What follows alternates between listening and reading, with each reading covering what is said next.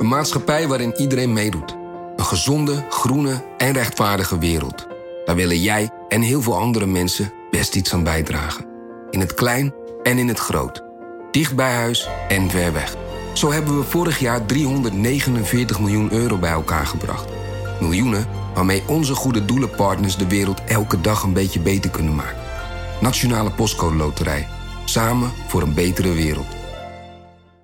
Wie reist met NS, reist net even anders. Wij reizen groen, zonder moeite te doen. Oh, zo kan je dus ook een dagje weg. En wij werken in stilte. In stilte? Nou ja, met oortjes dan. Oh, Zo gaan we iedere dag vooruit. stap je ook in?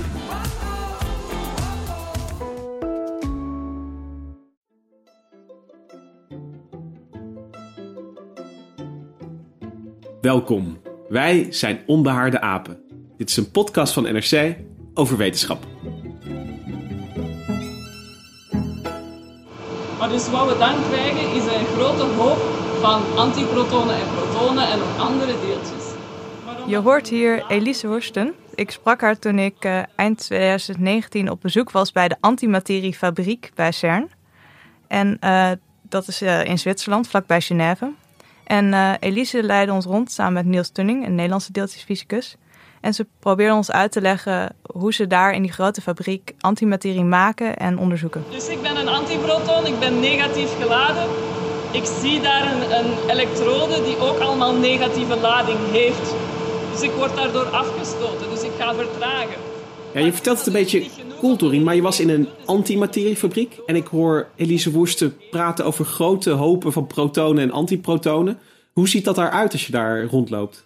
De antimateriefabriek is een hele grote hal die helemaal vol staat met experimenten.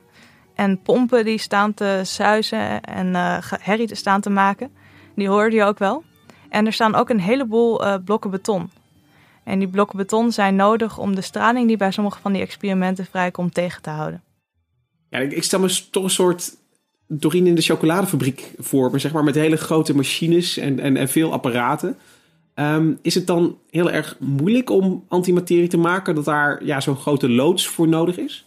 Ja, er is zelfs nog meer nodig dan die loods. eh, want ze zit op hetzelfde terrein als CERN, waar ook de deeltjesversneller, de LHC, staat. En die deeltjesversneller hebben ze ook nodig. Want die deeltjesversneller zorgt voor eh, protonen die versneld worden met eh, nou, meer dan 99% de snelheid van het licht. En die hele snelle protonen, die knallen ze op een stuk metaal. En daarbij st- ontstaan antimateriedeeltjes. En die antimateriedeeltjes moeten ze dan uiteindelijk vertragen en soms zelfs combineren tot weer andere antimaterie in die grote fabriek, in die grote hal. Dus wij willen geen hoge snelheid antiprotonen, wij willen hele trage antiprotonen.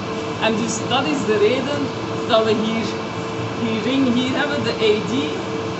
En dan later... Dus in die grote hal staat ook nog een vertrager die eerst die deeltjes vertraagt, zodat ze er iets mee kunnen doen. En dan staan, die, gaan die vertraagde deeltjes naar allerlei verschillende experimenten die in de hal staan. Dus het is een hele onderneming en er is heel veel energie nodig om antimaterie te maken. Ja, Dorine Schenk, jij was eh, afgelopen jaar in deze antimateriefabriek op bezoek toen we nog mochten reizen. En eh, ja, je kreeg zo een beetje een kijkje in de keuken over hoe onderzoek gedaan wordt naar antimaterie, hoe het gemaakt wordt. En nou daar gaan we het vandaag over hebben, over antimaterie, het tegenovergestelde van materie, wat dat precies is, hoe je het produceert en wat we er eigenlijk van kunnen leren. Ik ben Lucas Brouwers. Um, Hendrik Spiering, jij zit vandaag ook aan tafel. Hallo. Ja, jij niet. En eh, nee, ik zit, eh, ik zit niet eh, in de studio. Ja, ik zit wel aan een tafel, maar ik presenteer deze aflevering vanuit thuis. Vanwege een lichte verkoudheid, maar het zekere voor het onzekere nemen natuurlijk. Um, Dorien, laten we even bij het grootste begin beginnen. Wat is antimaterie? Antimaterie is het duurste materiaal wat we hebben op aarde. Een gram kost volgens mij ongeveer 20 miljard euro. Uh, als je het al kan kopen natuurlijk. Als je het al kan kopen. Het klinkt een beetje als science fiction antimaterie. Het komt ook voor in science fiction series. Star Trek geloof ik. Geloof ik. Het is de kern van Star Trek. De propulsion. Ik heb het helaas nog nooit gezien. Maar er is me al heel vaak verteld okay, dat er antimaterie in voorkomt. We gaan gauw verder. Maar uh, antimaterie bestaat echt. Het zijn uh, deeltjes die uh, eigenlijk wel lijken op de gewone materiedeeltjes die we kennen, maar tegengestelde eigenschappen hebben. Dus je hebt eh, onze gewone atomen bestaan uit protonen, neutronen en elektronen. En er bestaan ook antiprotonen, antineutronen en anti-elektronen. En die hebben dezelfde massa en heleboel dezelfde eigenschappen, op, nou een paar dezelfde eigenschappen als die materiedeeltjes, maar dan hebben ze bijvoorbeeld een tegengestelde lading. Dus een elektron is negatief geladen en een anti-elektron, dat heet een positron, die is positief geladen. En is dat dan het grootste verschil, die lading? Nou ja, dat is uh, het meest uh, ja, tot bekende verschil. Maar je hebt ook bijvoorbeeld een neutron is neutraal, die heeft geen lading. Uh, en het antineutron kun je toch onderscheiden. Dat komt omdat ze ook nog een aantal andere tegengestelde eigenschappen hebben. Die zijn wat, soms wat ingewikkelder om, uh, om uit te leggen. Maar bijvoorbeeld het magnetisch moment is bijvoorbeeld ook tegengesteld. Dus er zijn nog een aantal andere eigenschappen van antimateriedeeltjes die ook tegengesteld zijn. Maar ik vind het wel bijzonder dat je in, in wezen een soort ja, spiegel uh, hebt in het, in het universum, waarin in deeltjes dus ja, echt, echt gespiegeld zijn. En ik, is het zo dat die spiegelbeelden zich wel echt precies hetzelfde gedragen? Want, want bij ons, nou ja, bij, ons komt, komen negatief geladen elektronen uit het stopcontact, maar kun je in principe ook een stroomnetwerk met de, de antideeltjes van elektronen hebben? In principe wel, als je alle kabels en uh, al het andere waar het doorheen geleid wordt ook van antideeltjes maakt. Ja, het, maar jij zegt het, het spiegel, totale spiegelbeeld, maar ze hebben de massa is hetzelfde. Er zijn eigenlijk meer eigenschappen die hetzelfde zijn dan, dan verschillend. Dus ik vind antimaterie voelt altijd een beetje alsof je in een soort uh, anti-universum, een, een, een, andere, een, een hogere dimensie werkelijkheid, alsof het eigenlijk niet bestaat. Maar het is dus volkomen reële materie met een paar andere eigenschappen. Zo kan je er eigenlijk ook naar kijken. Ja, en die, maar die eigenschappen zijn wel echt tegengesteld. Dus ik denk dat daar het woord anti ook vandaan komt. En er zijn twee eigenlijk boekhoudkundige termen in de deeltjesfysica. Het baryongetal en het leptongetal. En die zijn voor gewone materie zijn die positief. En voor antimaterie zijn die negatief. Een baryon en een leptongetal. Dat klinkt ook een beetje als uh, uit een uh, sprookje van uh, Tolkien. Maar wat is het uit te leggen zonder dat we uren bezig zijn? Ja, dat, dat wordt denk ik wel heel lastig. Ik weet ook niet of ik dat helemaal zou kunnen. Want het is echt een boekhoudkundig trucje eigenlijk. Nou, het trucje klinkt weer alsof het, uh, alsof het nep is. Uh, het is een boekhoudkundige manier om botsingen tussen deeltjes en interacties tussen deeltjes te beschrijven. En het, het is een waarde die altijd behouden blijft. Dus het baryongetal voor een reactie is altijd gelijk aan het baryongetal na een reactie. En hetzelfde geldt voor een leptongetal. En bijvoorbeeld een proton heeft baryongetal 1. En een elektron heeft, baryon, uh, heeft leptongetal 1. En een anti-elektron heeft leptongetal min 1. En een antiproton heeft baryongetal min 1. En dat zijn hele belangrijke uh, coëfficiënten voor die berekening dus. Ja, dus als je naar reacties kijkt, wat voor reacties er mogelijk zijn... als bijvoorbeeld in een deeltjesversneller waar deeltjes op elkaar botsen en nieuwe deeltjes ontstaan... dan moet die boekhoudkunde die moet echt kloppen. Ah ja, en zo kan je ook een nieuw deeltje ontdekken als je een, uh, een, een, een baryonpunt mist. Dan denk ja, je, waar is dat gebleven? Dan moet je even goed gaan zoeken in je data waar die, ja. waar die zit. En is het dan zo dat uh, als je het hebt over die boekhoudkundige werkelijkheid, zeg maar, die, die echt die hele erg natuurkundige eigenschappen. Ik vraag me ook af of je antimaterie gewoon kan, kan, kan zien. Uh, bestaat het ergens, behalve in ja, CERN, uh, diep onder een berg? Ja, antimaterie ontstaat in hele kleine mate af en toe om ons heen. Het ontstaat bijvoorbeeld bij bliksem en bij bepaalde kernreacties. En het ontstaat ook in bananen. Dat moet je even uitleggen. In bananen? Heb je het nog nooit gezien? De lichte antimaterie glut rondom een banaan. Ja, maar dan heb ik, mijn, heb ik mijn goede bril niet op, denk ik. Nee, dat zal het verklaren. Nee, de, in bananen zit kalium-40. En dat, is een, uh, dat vervalt radioactief. En daarin kom, daarbij komt een antideeltje vrij. Maar, dat zo... gebeurt niet zoveel hoor. Een paar keer per seconde geloof ik. En niet zoveel dat je dan uh, met je bananen naar CERN kan en dan 100 miljard kan uh, incasseren. Nee, nee. En die deeltjes die... Uh, dat is ook een ding met antimaterie. Het annihileert met gewone materie. Dus zodra een antimaterie deeltje een materiedeeltje tegenkomt... dan heffen ze elkaar op, zou je kunnen zeggen. En dan ontstaat er energie of licht. Ja, want dat hebben we eigenlijk nog niet genoemd. En dat is het meest spectaculaire gedeelte van uh, materie en antimaterie. Het is dus enorm explosief als het... Of explosief, ja, wat gebeurt ja, er? er komt energie bij vrij als uh, materie en antimaterie met elkaar in contact komen. Flink wat zelfs. En even terug naar die, naar die banaan. Als daar dus een, eh, eh, je zegt bij het verval van kalium 40 komt er dan één antimateriedeeltje vrij. Eh, maar dat komt dan al snel materie tegen in die banaan. En dan is het weg. Ja, Maar dat is wel grappig, omdat natuurlijk iedereen kent, denk ik, materie en antimaterie van een hele beroemde film eh, naar een boek van Dan Brown. Omdat er dan een bom zou worden gemaakt van eh, antimaterie. The antimatter is suspended there, in an airtight nanocomposite shell with electromagnets on each end. But if it were to fall out of suspension and come in contact with matter, say the bottom of the canister, then the two opposing forces would annihilate one another violently. And what might cause it to fall out of suspension? The battery going dead, which it will, in six hours. What kind of annihilation? How violent? A cataclysmic event. A blinding explosion equivalent to about five kilotons. Vatican City will be consumed. Dit was een van de vele spannende scènes met heel veel uitleg vaak over, uit de film Angels and Demons uit 2009 al. Gebaseerd op een boek. in het Nederlands Bernini-mysterie. En ze hebben het hier over een antimateriebom. En Doreen, kan dat? Eh, ja, het had zeker gekund. Eh, ik geloof dat ze in de film het hebben over een kwart gram antimaterie. Eh, dat is, je moet vrij rijk zijn om dat aan te kunnen schaffen. Ehm, maar als je zoveel antimaterie hebt, dan heb je ongeveer dezelfde kracht als de Hiroshima-atoombom, geloof ik. Iets minder. Maar dus dat geeft een flinke knal. Het is echt wel genoeg om Rome flink plat te leggen. Dus eh, in principe is de energie die vrijkomt als een kwart gram antimaterie in contact komt met een kwart gram materie voldoende voor zo'n enorme knal. En waarom? Omdat eh, ze, het is massa dus. En eh, de massa wordt omgezet in energie.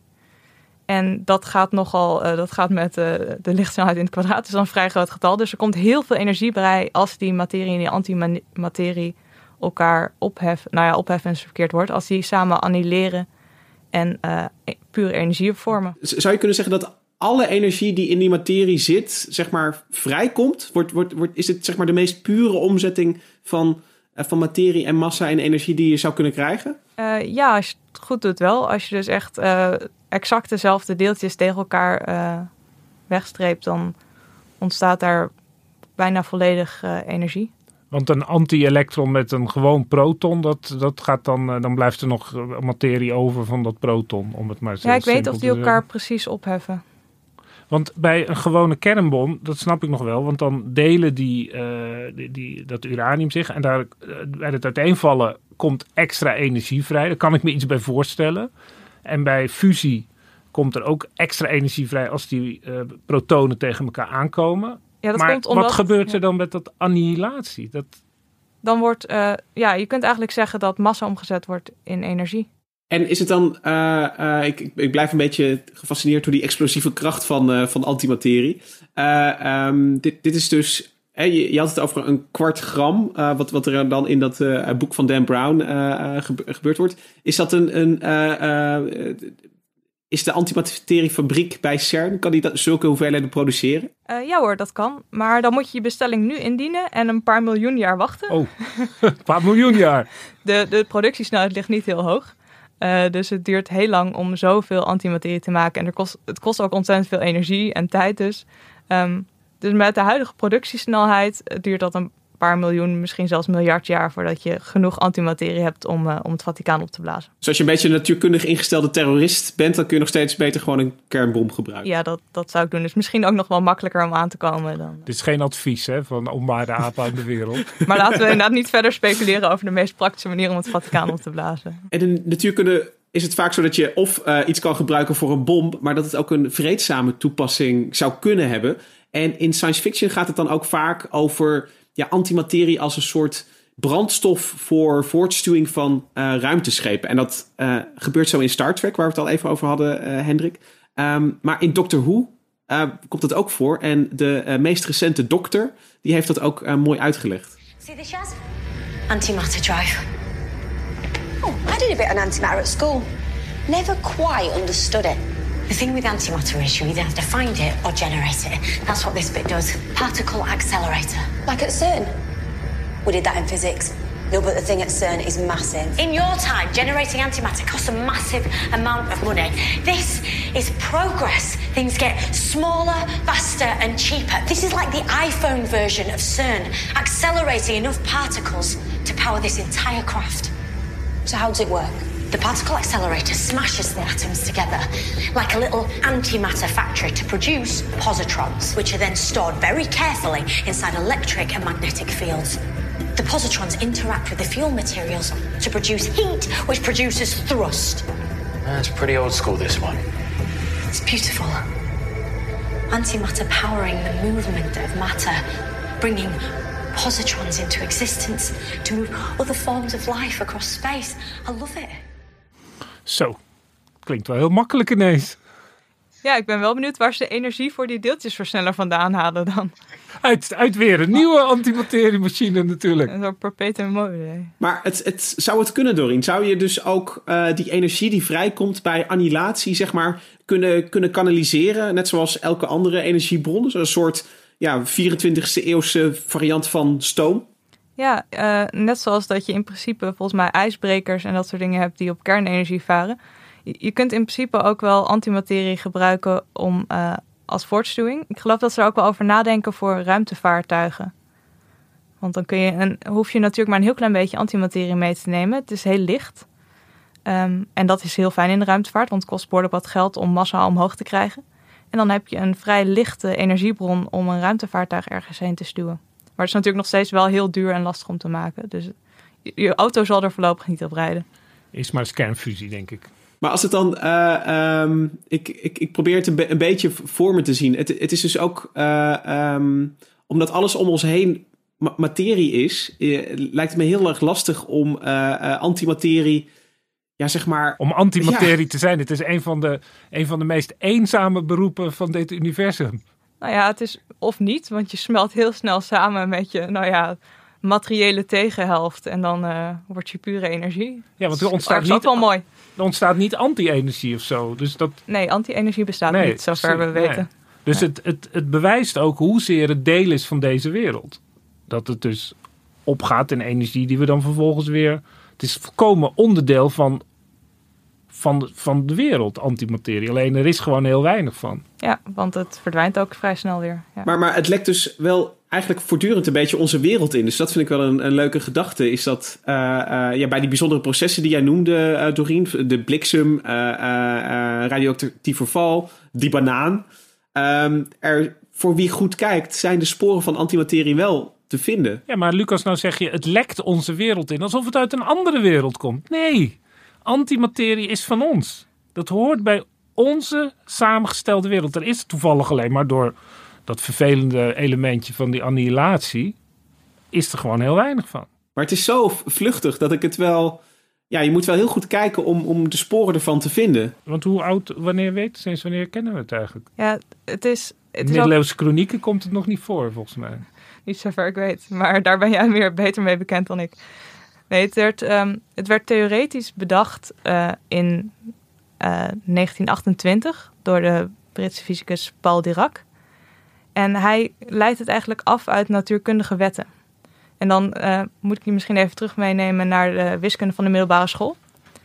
Dan heb je, als je een vergelijking op moet lossen, x tot de macht 2 is 4. Dan neem je dus de wortel van 4. En dan heb je twee oplossingen. 2 en min 2. Oh ja. Nou ja, iets vergelijkbaars kwam Paul Dirac tegen. Hij kwam dus twee oplossingen tegen. Een positieve en een negatieve. En dan kun je zeggen, nou ja, die negatieve, dat zal wel onzin zijn. Want negatieve energie bijvoorbeeld bestaat niet. Dus. Maar je kan ook zeggen, oh, dan is dat dus een deeltje wat eigenlijk precies hetzelfde is. Nou ja, die 2 en die min 2 zijn precies hetzelfde. Alleen ze hebben een tegengesteld teken. De ene is positief en de andere is negatief. En was het dan zo dat andere mensen die die uh, uh, berekening hadden gedaan, hadden gedacht, ja, min 1 flauwekul. Ik weet niet of die berekeningen daarvoor waren gedaan. Want het was een beetje de tijd dat de speciale relativiteitstheorie van Einstein uh, opkwam. En de kwantummechanica een beetje. Dus, en hij ging die proberen te combineren en kwam toen dit ergens tegen. Nou, hij, was echt een, hij was gewoon de eerste die dat ontdekte waarschijnlijk. Ja, ik bedoel, ik- weet het niet zeker. Misschien Nee. is er ergens anders een, Ja. een ander paper of een andere natuurkundige die op een kamertje zat te rekenen en het ook tegenkwam. Hij ging in ieder geval doorrekenen met die bijzondere uitkomst. Ik bedoel, hij had ook kunnen stoppen en denken van wat een, eh, eh, wat, wat een gek gedoe. Maar hij ging ermee door. Ja, hij kwam erachter van, nou, dit, dit zou inderdaad een deeltje kunnen zijn.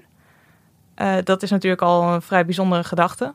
En eh, hij had geluk, want vrij snel daarna, in, eh, ja, in 1932, was er een Amerikaanse fysicus, eh, Carl Anderson. En die mat ook echt een antimateriedeeltje. Dus die zag voor het eerst een antimateriedeeltje. Dus de naam van Dirac die was gevestigd. Ja, de, ik ken hem ook nog steeds. Ja. Hij komt voor in boeken. En, Nee, maar ik bedoel, dat Ja. is natuurlijk ongelooflijk dat je dan denkt van hé, hey, er komt min 1 uit. Dat is eigenlijk heel belangrijk. En dat het dan dus ook klopt. Ja, nee, ik neem aan dat hij vrij blij Ja. was. ja. En eh Anderson zag dit deeltje in de, in de kosmische straling. Dus de straling die van bovenaf eh, op de aarde komt en die botst met de atmosfeer. En daar komen allemaal deeltjes bij vrij. Voordat we deeltjesversnellers hadden, waren dat, was dat onze beste bron van, eh, van deeltjes om te bestuderen. Heel ver weg, hoog in de atmosfeer. Ja, nou ja, die regende gelukkig een beetje naar het aardoppervlak neer. Dus met een nevelkamer op het aardoppervlak kon hij die, die deeltjes vangen en eh, bestuderen. Nou ja, vangen. Ze raadsten door het nevelvak heen en lieten een spoor achter. En dat spoor kon hij eh, wat eigenschappen van de deeltjes uit afleiden. En toen zag hij, hé, hey, dit is een elektron, maar dan met een tegengestelde lading. Dus Gaat de verkeerde kant op. ja, hij draait in het magneetveld de verkeerde kant op. En toch vraag ik me dan af, Doreen. Wij leven in dat universum van materie om ons heen. De, de studio is van materie, ik ben van materie, jullie zijn van materie. Hoe komt het dat, eh, dat antimaterie zeg maar de, de uitzondering is? Waarom is, is het niet omgekeerd? Nou, dat vragen een heleboel natuurkundigen zich ook af. Misschien is het wel omgekeerd. Dan zijn wij eigenlijk de antimaterie. Dat kan toch? Ja, dat is een definitiekwestie. maar eh, nee, de, de, heel veel natuurkundigen vragen zich ook af... eh, als antimaterie en materie in principe zo op elkaar lijken... en elkaars spiegelbeeld, perfecte spiegelbeeld zijn... eh, waar is alle antimaterie dan heen? Want men denkt dat eh, in het vroege heelal, dus vrij snel na de oerknal... dat er evenveel materie als antimaterie was. Ja, dat, dat, dat, dat klinkt eigenlijk heel aannemelijk. Nu ik weet dat je dus die boekhoudkunde met die, wat was het ook weer, leptongetallen en baryongetallen. Ja. Die, dat moet altijd plus en min zijn. Dus er ontstaat uit het niets iets. Dus dat moet elkaar in evenwicht houden. En dan eh, heb je dus evenveel eh, po- eh, positieve materie als negatieve materie, om het maar eens zo te noemen. Ja, het, voelt intuïtief ook wel een beetje logisch dat als uit niets of eh, nou ja, de oerknal dus heel veel energie, als daar materie uit ontstaan is, dat je uit die energie dus ook evenveel antimaterie gemaakt moet hebben, want samen vormen die weer die energie.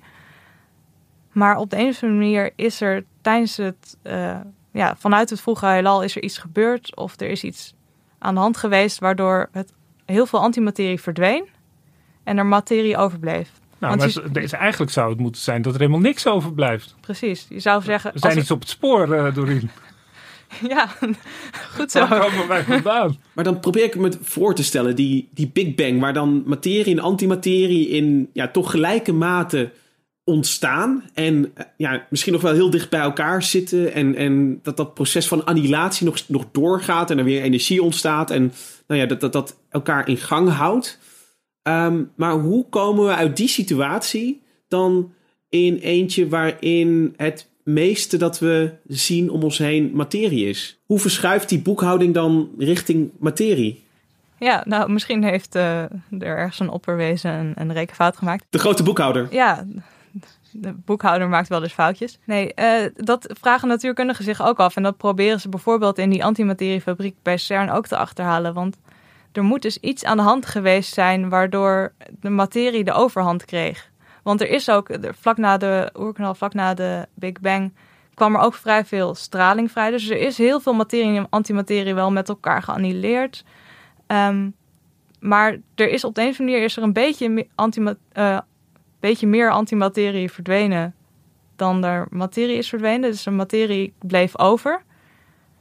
En hoe dat precies ontstaan is, weet men niet. Maar bijvoorbeeld als materie en antimaterie toch niet elkaars perfecte spiegelbeeld blijken, maar net een beetje, zich net een beetje anders gedragen, dan zou dat een verklaring kunnen geven waardoor materie de overhand kreeg. Dat zou dan in dit, in dit detective mysterie het moordwapen zijn, zeg maar. Waardoor alle antimaterie is verdwenen. Behalve dan in bananen en bij bliksem.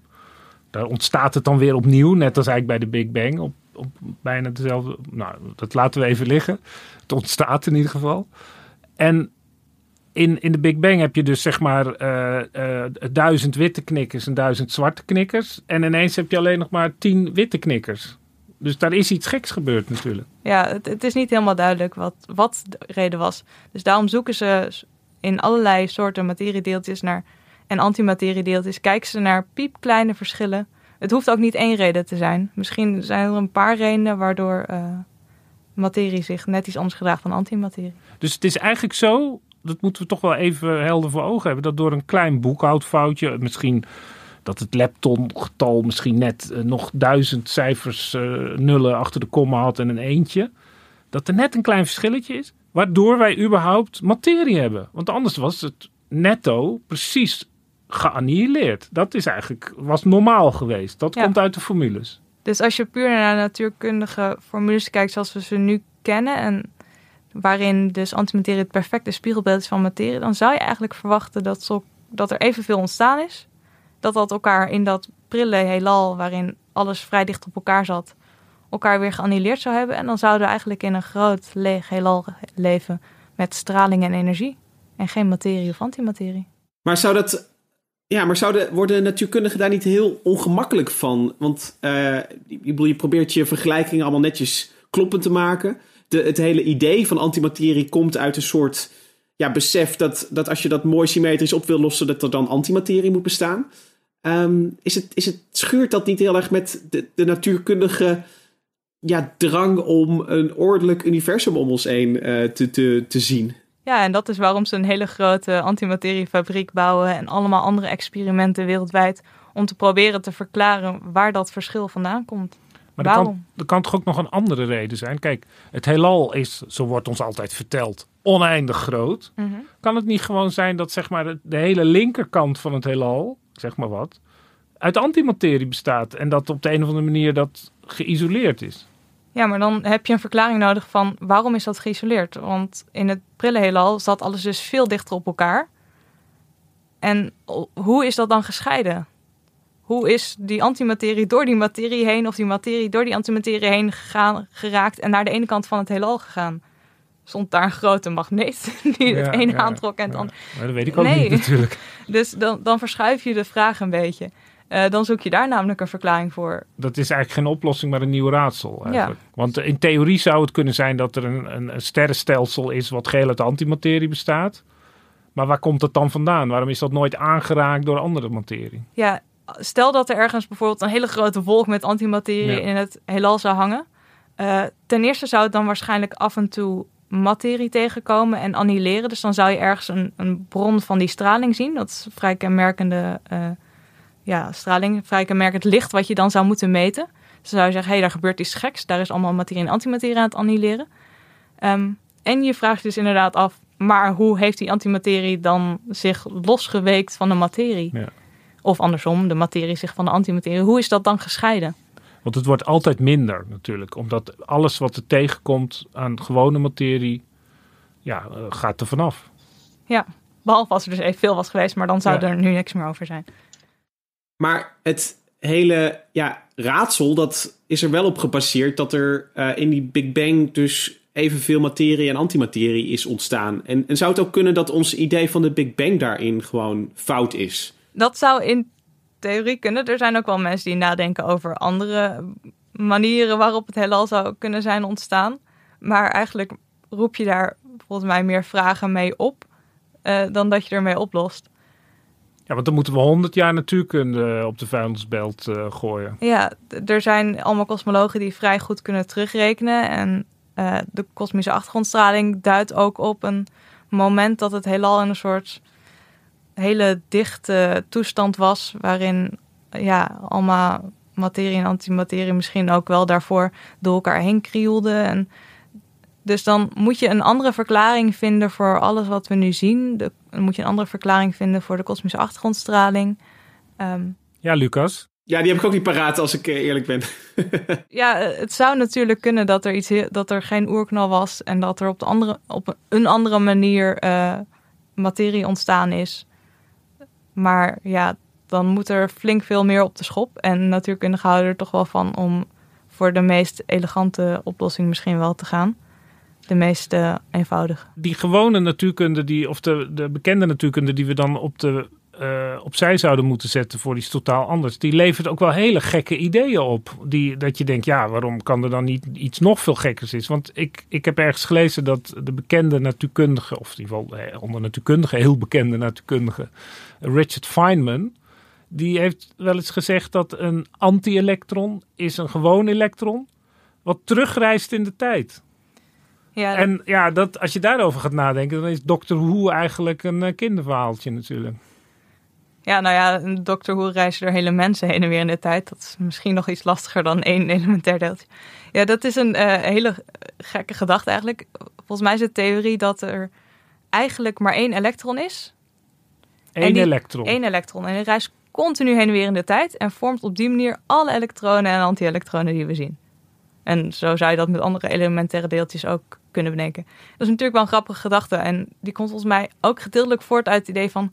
Goh, al die elektronen lijken wel heel erg op elkaar. Ze zijn echt identiek. Kan dat niet gewoon hetzelfde deeltje zijn... wat continu heen en weer reist in de tijd?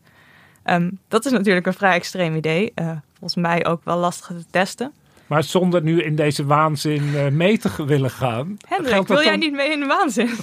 Geldt dat, geldt dat niet ook dan voor een proton? Ja. Want die lijken ook, vind Ja. ik zelf, ook allemaal sprekend op elkaar. Ja, nou bestaan protonen uit nog meer elementaire deeltjes, namelijk quarks. Dus dan zou het misschien quarks zijn die heen en weer Ja, bewegen in de tijd. Ja, dat, ja, tuurlijk. Dat is. eh, Maar wat moeten we dan met z'n... Ik bedoel, het is misschien een beetje een zijlijn van de antimaterie. Maar ik bedoel, hoe, hoe, wat, neem jij dat zelf? Denk je, ja, dan is het allemaal hetzelfde deeltje. Eh. hebben we eigenlijk nog het probleem gereduceerd tot één anti-elektron en één gewone positron en een elektron. Ja, nou, het zou heel leuk zijn als het waar is. Ehm, volgens mij zijn er niet heel veel mensen die deze theorie heel serieus nemen. En hij is ook vrij lastig te testen dus. Ehm, dus het is meer een leuk eh gedachte-experiment. Maar er zijn wat mensen die hebben uitgerekend hoe dat dan eruit zou zien. Zo'n elektron dat teruggaat in de tijd.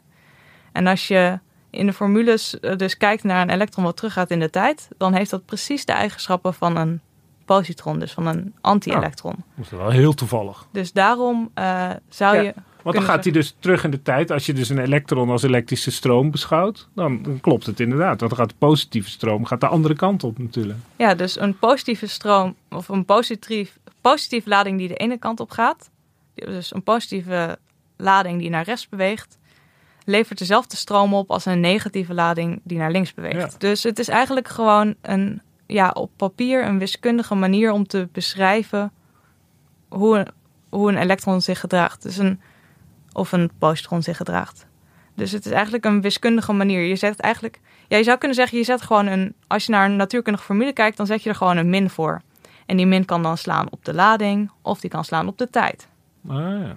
Een beetje op dezelfde manier zoals Paul Dirac het bestaan van antimaterie ooit vermoedde. Ja, gewoon door naar natuurkundige formules te kijken. Dat is hoe, eh, hoe veel theoretische natuurkundigen tot ideeën komen. Maar ik, ik heb jullie even laten gaan in, in die studio met jullie wilde idee. Maar als ik het voor mezelf samenvat, is er dus een mogelijkheid, moeilijk te testen, dat we in een soort ja, spiegelpaleis leven van één elektron en één positron. Eén elektron of één positron. Oh, het is hetzelfde. Het is het spiegelpaleis van, van één eh, elektron slash positron. Ja, het is echt vooral een gedachte-experiment en een gek theoretisch idee. Ehm, iets waar fysici wel concreet mee bezig zijn, eh, zijn andere manieren om te zoeken naar verschillen, kleine verschillen tussen materie en antimaterie.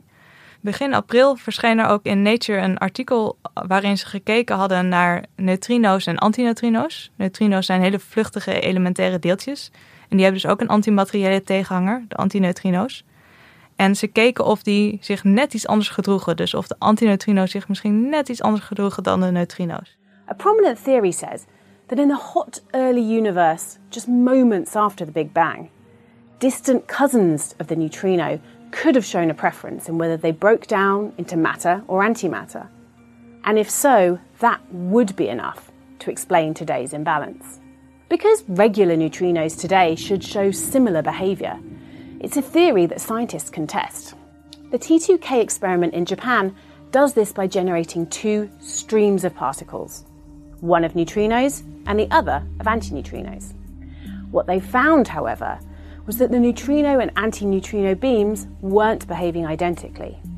Today's result is the strongest evidence yet that a difference exists in the behavior of neutrinos and antineutrinos. A difference which could then be enough to explain the imbalance of matter and antimatter in the universe. Ja, we hoorden Elizabeth Gibney van het uh, wetenschapstijdschrift Nature, die heel enthousiast is. Ja, in Japan hebben ze uh, bij een deeltjesversneller ook weer uh, een, twee beams gemaakt. Twee bundels. Eentje met antimaterie, of antineutrino's dus. En eentje met neutrino's. En die hebben ze bijna 300 kilometer door de aarde gestuurd naar een detector. En die detector keek naar de neutrino's en de antineutrino's die aankwamen. En toen zagen ze dat onderweg dat de neutrino's zich net iets anders gedroegen dan de antineutrino's. Wat, wat is dat verschil in gedrag dan precies? Ja, dat verschil heeft te maken met iets wat we besproken in de neutrino-podcast. Neutrino's kunnen van gedaante veranderen. Dus ze hebben drie smaken eigenlijk. Muonneutrino, elektroneutrino en tauneutrino. En ze kunnen daarin tussen fluctueren. En je hebt ook een anti-muonneutrino en een... Anti-tau en anti-elektron, alles vol. Precies. En die kunnen fluctueren. Terwijl ze dus die 300 kilometer afleggen, kunnen ze wisselen van gedaante. En het lijkt er nu volgens mij op dat neutrino's dat gedaante verwisselen iets sneller doen dan de antineutrino's. En dat is verdacht, natuurlijk. Dat is een verschil. Want in dat, in dat fragment doen ze wat woorden, doen ze net alsof het al zo goed is opgelost. Maar jij bent iets voorzichtiger. Ja, ik, ik ben er ook niet de enige in. In het artikel waren ze zelf ook al wat voorzichtiger. Want hun meting is veelbelovend. Het is ook een hele mooie meting. Daar wil ik absoluut niet in afdoen. Prachtig. Prachtig. Ik vind neutrino's altijd leuk. Dus uh, dit is een hele mooie ja, meting. Ja, dat weten we. Daar hebben we al eens eerder een podcast over Precies. Maar um, hun meting is nog niet heel zeker. Ik geloof dat ze 90 neutrino's hebben gemeten en 15 antineutrino's. Iets in die orde. En dat betekent dat hun meting nog niet heel nauwkeurig is. Dus ze zien wel een verschil, maar het kan nog een statistische fluctuatie zijn. In deeltjesfysica termen, ze hebben een verschil gezien met een zekerheid van 3 sigma. Oh, dat is niet veel, dat weet ik. Vertel, wat is dat precies, 3 sigma? 3 sigma betekent dat er ongeveer een kans is van 1 op iets meer dan 500, geloof ik, dat het een statistische fluctuatie was. Dus dat je iets ziet wat een verschil lijkt te zijn, wat eigenlijk geen verschil is. Dat lijkt al best indrukwekkend. Nou, om het hele lot van het universum daarop te baseren, dat vind ik uh, nog niet genoeg. Nee, precies. Dat vonden deeltjesfysici ook. Dus die zijn eigenlijk op zoek naar uh, wat in de deeltjesfysica 5 sigma is. En 5 sigma is ongeveer een kans van 1 op een miljoen dat het een toevallige fout in de meting is, om het zo maar te zeggen. En uh, die 5 sigma die gaat dit experiment waarschijnlijk nog niet halen. T2K is nog niet nauwkeurig genoeg om echt dat verschil te kunnen zien. En dan is het ook de vraag hoe groot dat verschil is tussen neutrino's en antineutrino's. Ze weten ongeveer hoe groot dat verschil zou moeten zijn om te verklaren dat wij in een heelal leven met sterren en planeten van materie. Dus heel geduldig puzzelen, kijken de natuurkundigen eigenlijk naar die neutrino's en hoe die zich gedragen. Uh, het is zeg maar wachten, wachten, wachten tot, tot ze weer een neutrino gezien hebben of een antineutrino. En ze, als, ik, als ik jou goed begrijp, moeten ze nog ja, heel veel meer neutrino's vangen voordat je überhaupt kan, kan spreken van een betrouwbaar verschil. Dus, dus hoe, lang, hoe lang moeten ze nog in Japan nog neutrino's vangen? Het uh, zal nog wel even duren. Ik geloof... Oneindig. maar, maar ze krijgen hulp. Ze zijn niet de enige die zoeken. Uh, Japan krijgt ook een upgrade. Het is nu het T2K-experiment en een van de, de detector wordt vervangen door een betere detector. Door hyperkamiokande. Dus de, de meting wordt al beter daar, daar in Japan. Dat helpt al. En in, ondertussen zijn ze in Amerika zijn ze ook nog een experiment gaan bouwen wat ongeveer vergelijkbaar doet. Dus het stuurt ook neutrino's en antineutrino-bundels door de aarde. Maar geen 300 kilometer, maar 1300 kilometer. En dat experiment heet Dune. Dune is an international project hosted by the Department of Energy's Fermilab. It will investigate whether particles called neutrinos could help explain why matter exists in the universe. Dat bestaat er nog niet, maar dat, dat wordt gebouwd. Daar zijn ze nu prototypes van aan het testen. En uh, dat experiment zal enorm helpen. De antimateriefabriek zoekt ondertussen natuurlijk ook door naar verschillen. Uh, de antimateriefabriek kijkt naar uh, antiprotonen en ook antiatomen, dus antiwaterstofdeeltjes. En al die metingen samen zullen misschien ons vertellen hoe materie en antimaterie van elkaar kunnen verschillen. De komende 10, 20 jaar wordt het heel spannend voor, de, voor het antimaterieonderzoek. En is dat het moment dat de natuurkundigen dan rustig kunnen slapen als ze inderdaad weten ehm, ja, waarom we in een universum vol met materie leven en met zo weinig antimaterie? Nou, gelukkig zijn er nog genoeg andere vraagstukken waar natuurkundigen zich over kunnen. Ze verzinnen wel weer wat, denk ik. Ja, precies. En ook deze ene, dit ene verschil tussen bijvoorbeeld neutrino's en antineutrino's is niet een directe verklaring voor het verschil tussen materie en antimaterie. Daar zitten nog wat theoretische stappen tussen. Zoals ze al zeiden in het, uh, in het fragment waar we net naar luisteren. Er is een soort neefje van het neutrino, wat dan aan het begin, vlak na de oerknal, bestond. En een voorkeur had om in iets meer in materie te vervallen, geloof ik, dan in antimaterie. Maar ja, dan moet je wel kunnen aantonen dat er inderdaad ook zo'n neef bestaan heeft. Of kan bestaan. Dus ja, we zijn er nog lang niet. Maar uh, het wordt een spannende tijd om te verklaren waarom wij er zijn. We zijn er nog lang niet, maar we zoeken door. Daarmee zijn we aan het einde gekomen van deze aflevering van Onbehaarde Apen. Uh, bedankt Dorien Schenk dat je ons uh, wilde komen vertellen hoe het zit met antimaterie en materie. Bedankt Hendrik Spiering en Misha Melita voor de productie. En natuurlijk ook het Dudok Quartet voor het inspelen van onze fijne tune. Wij zijn er volgende week weer. Tot dan!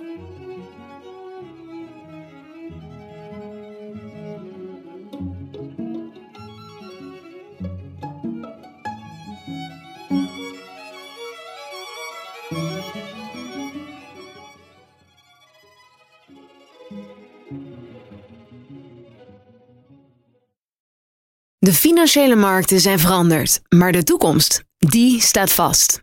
We zijn in transitie naar een klimaatneutrale economie. Dit biedt een van de grootste investeringskansen van onze generatie.